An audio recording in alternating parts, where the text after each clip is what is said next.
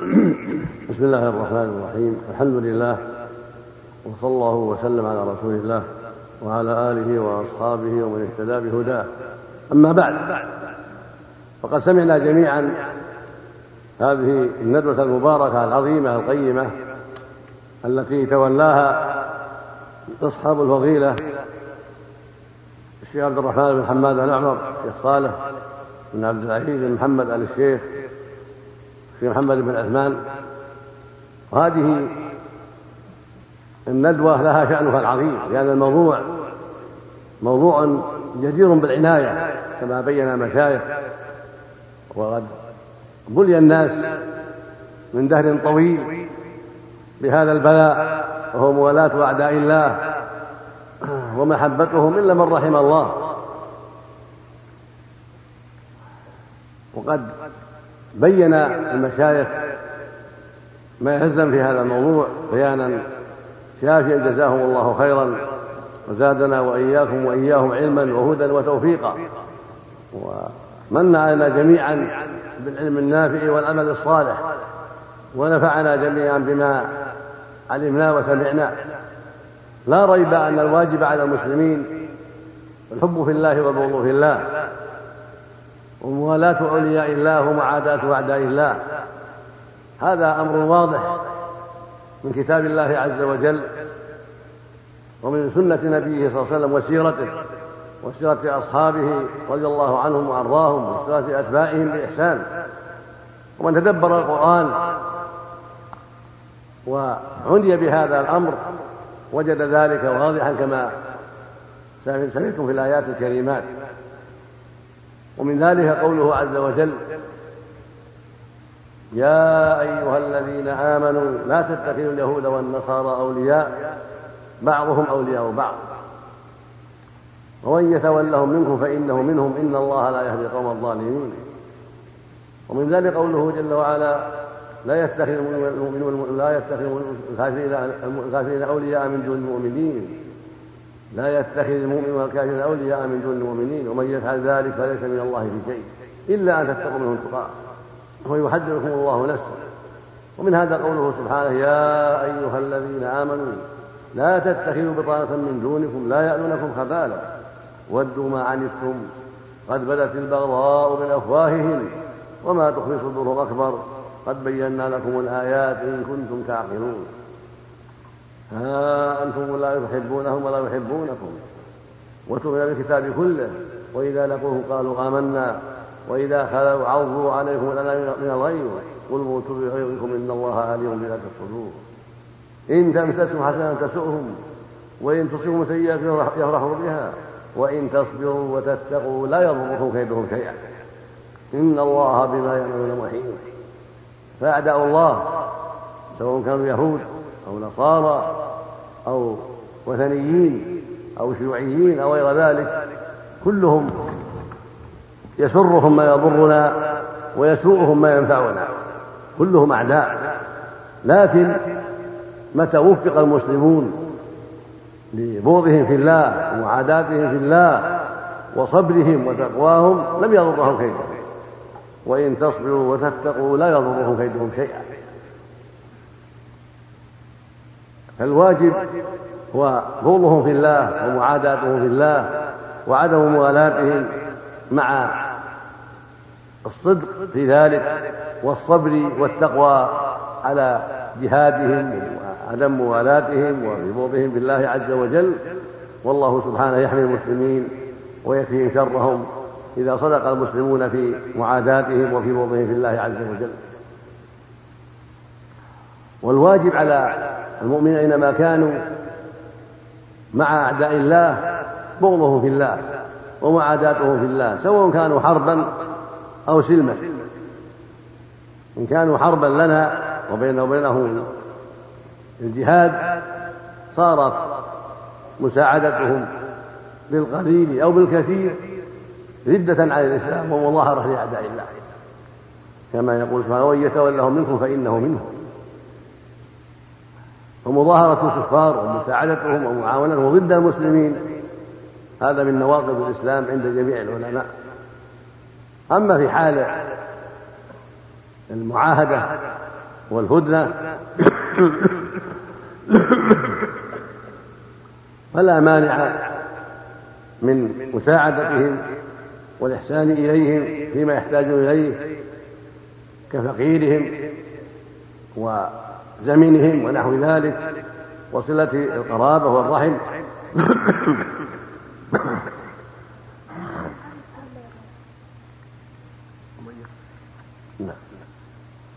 كما قال عز وجل لا ينهاكم الله عن الذين لم يقاتلوا في الدين ولم يخرجوكم من دياركم أن تبروهم وتقسطوا إليهم.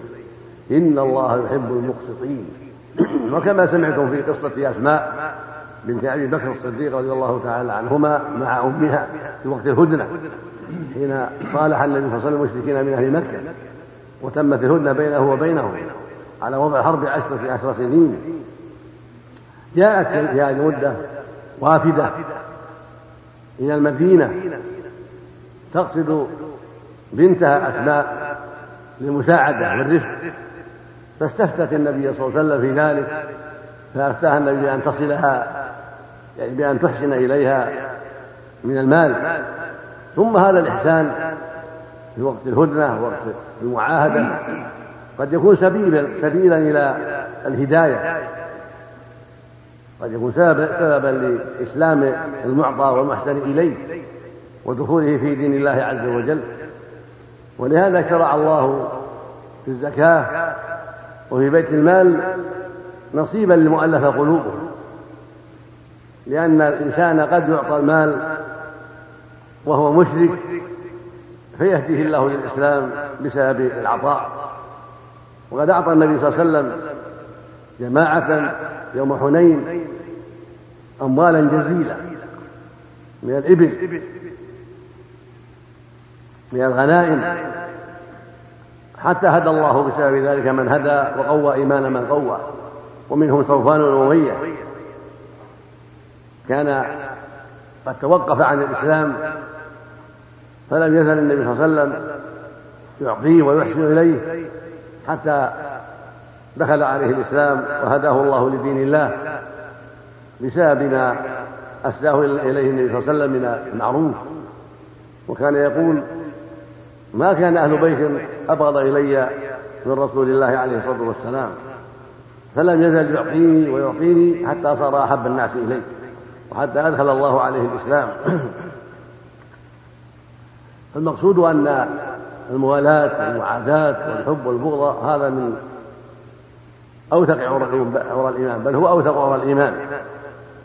الحب في الله والبغض في الله والموالاة في الله والمعاداة في الله ولكنه يختلف في حال الحرب والسلم.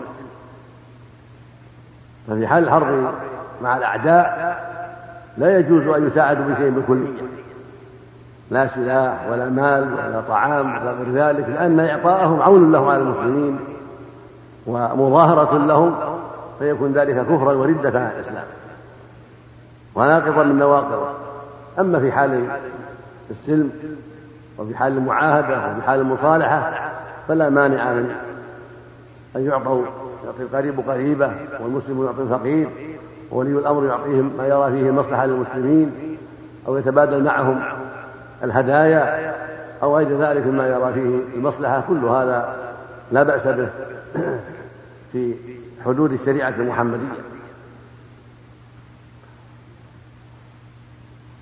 وأما ما يتعلق بالإعداد لهم هذا أمر واجب وكذلك أخذ الحذر منهم أمر واجب في الحرب والسلم جميعا. كما قال الله سبحانه يا أيها الذين آمنوا خذوا حذركم وقال عز وجل وأعدوا لهم وصلاة من قوة. فالإعداد لهم تأهب لهم أخذ الحذر منهم حتى لا يغتنموا غرة لنا.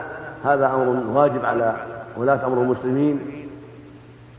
أن يعدوا لأعدائهم ما يستطيعون من قوة وأن يتأهبوا للجهاد الجهاد. وأن يحذروا مغبة التساهل فإن الأعداء لا يؤمنون أبدا. ولهذا يقول سبحانه وتعالى يا أيها الذين آمنوا خذوا حذركم. ويقول عز وجل وأعدوا لهم ما استطعتم من قوة. هذا هو الواجب على المسلمين. أينما كانوا. ثم هذه البغضة وهذه العداوة بيننا وبينهم لا تمنع من الدعوة لهم والحرص على هدايتهم فيبعث إليهم الدعاة والموجهون إلى الخير لعل الله يخرجهم من الظلمات إلى النور. قد كان النبي صلى الله عليه وسلم يبعث الرسل والكتب للدعوة إلى الله عز وجل. وهكذا كان أصحابه رضي الله عنهم وأرضاهم. فالدعوة إلى الله وإرشاد الناس إلى ما خلقوا له أمر مطلوب. وإن كانوا أعداء وإن كانوا حربا لنا فدعوتهم إلى الله وترغيبهم في الإسلام أمر مطلوب. وقد بعث النبي صلى الله عليه وسلم عليا إلى اليهود في خيبر وقال لهم وقال له ادعهم إلى الإسلام. وأخبرهم بما يجب عليهم من حق الله تعالى فيه. فوالله لأن يهدي الله بك رجلا واحدا خير لك من حمل النعم. يعني خير لك من جميع ما على أرض من ناقة حمراء لأن العرب تعظم النوق والحمر. والمعنى خير لك من الدنيا وما عليها. وليعلم أعداء الله أن جهادنا لهم وأن عداوتنا لهم وأن بغضنا لهم إنما هو لدخولهم في الإسلام ولرجاء أن ينجيهم الله من ما هم فيه من الباطل وليس لأنساب ولا لأموال ولكن نبغضهم في الله لما هم عليه من الباطل فإذا دعوناهم عرفوا أن المقصود هو هدايتهم وخروجهم مما هم فيه من الباطل فكان هذا حافزا لهم إلى الاستجابة والدخول في الحق. وقد يظن بعض الناس أن المقصود نساؤهم أو أموالهم فيصعب عليه الدخول في الإسلام وتشتد عداوته. فإذا عرف أن المسلمين إنما قصدوا من جهادهم دعوتهم إلى الخير وإنقاذهم مما هم فيه من الباطل وإخراجهم من الظلمات إلى النور. كان هذا أقرب إلى أن يدخلوا في الإسلام وأن يستجيبوا لداعي الحق ويدعوا ما هم عليه من الباطل. فالمال والنساء والذرية إنما يؤخذون تبعا إذا صمم الكفار على باطلهم وامتنعوا من الدخول في دين الله فإذا حينئذ المسلمون يقاتلونهم فإذا ظهروا عليهم فقد أباح الله لهم نساءهم وأموالهم وذرياتهم. المال غنيمة والنساء والذرية كذلك أسرى غنيمة للمسلمين إعانة للمسلمين على الخير والحق وإضعافا لشوكة المسلمين وليحذر غيرهم من ذلك حتى يدخلوا في دين الله عز وجل. وإن أجابوا إلى داعي الله ودخلوا في دين الله بقيت لهم أموالهم وذرياتهم ونساؤهم وفازوا بالسعادة والنجاة في الدنيا والآخرة وأخرجهم الله من الظلمات إلى النور. فالواجب على أهل الإسلام دائما دائما أن يتمسكوا بدينهم وأن يعظموه وألا يتساهلوا فيه من أجل الكفرة أو من أجل مراعاة العصاة بل يجب على المؤمن أن يتمسك بدينه ويستقيم عليه ويعظم أمر الله ونهيه حتى يعلم أعداء الله صلبة المؤمن في دينه وحتى يستفيد العاصي من ذلك فيتأسى بأهل الخير. فإذا تساهل في دينه صار ذلك من الدعاية التي تنصر الأعداء وتفرح الأعداء. وإذا رأى الأعداء تمسك المؤمنين بدينهم واستقامتهم عليه وتحكيمهم لشريعة ربهم عز وجل وصبرهم على ذلك كان هذا مما يدعوهم إلى الدخول في دين الله.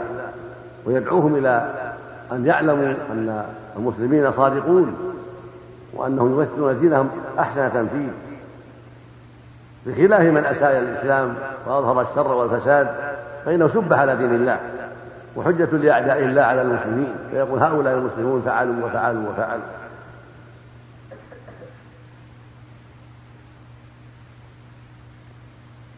وأما ما قد يقع مما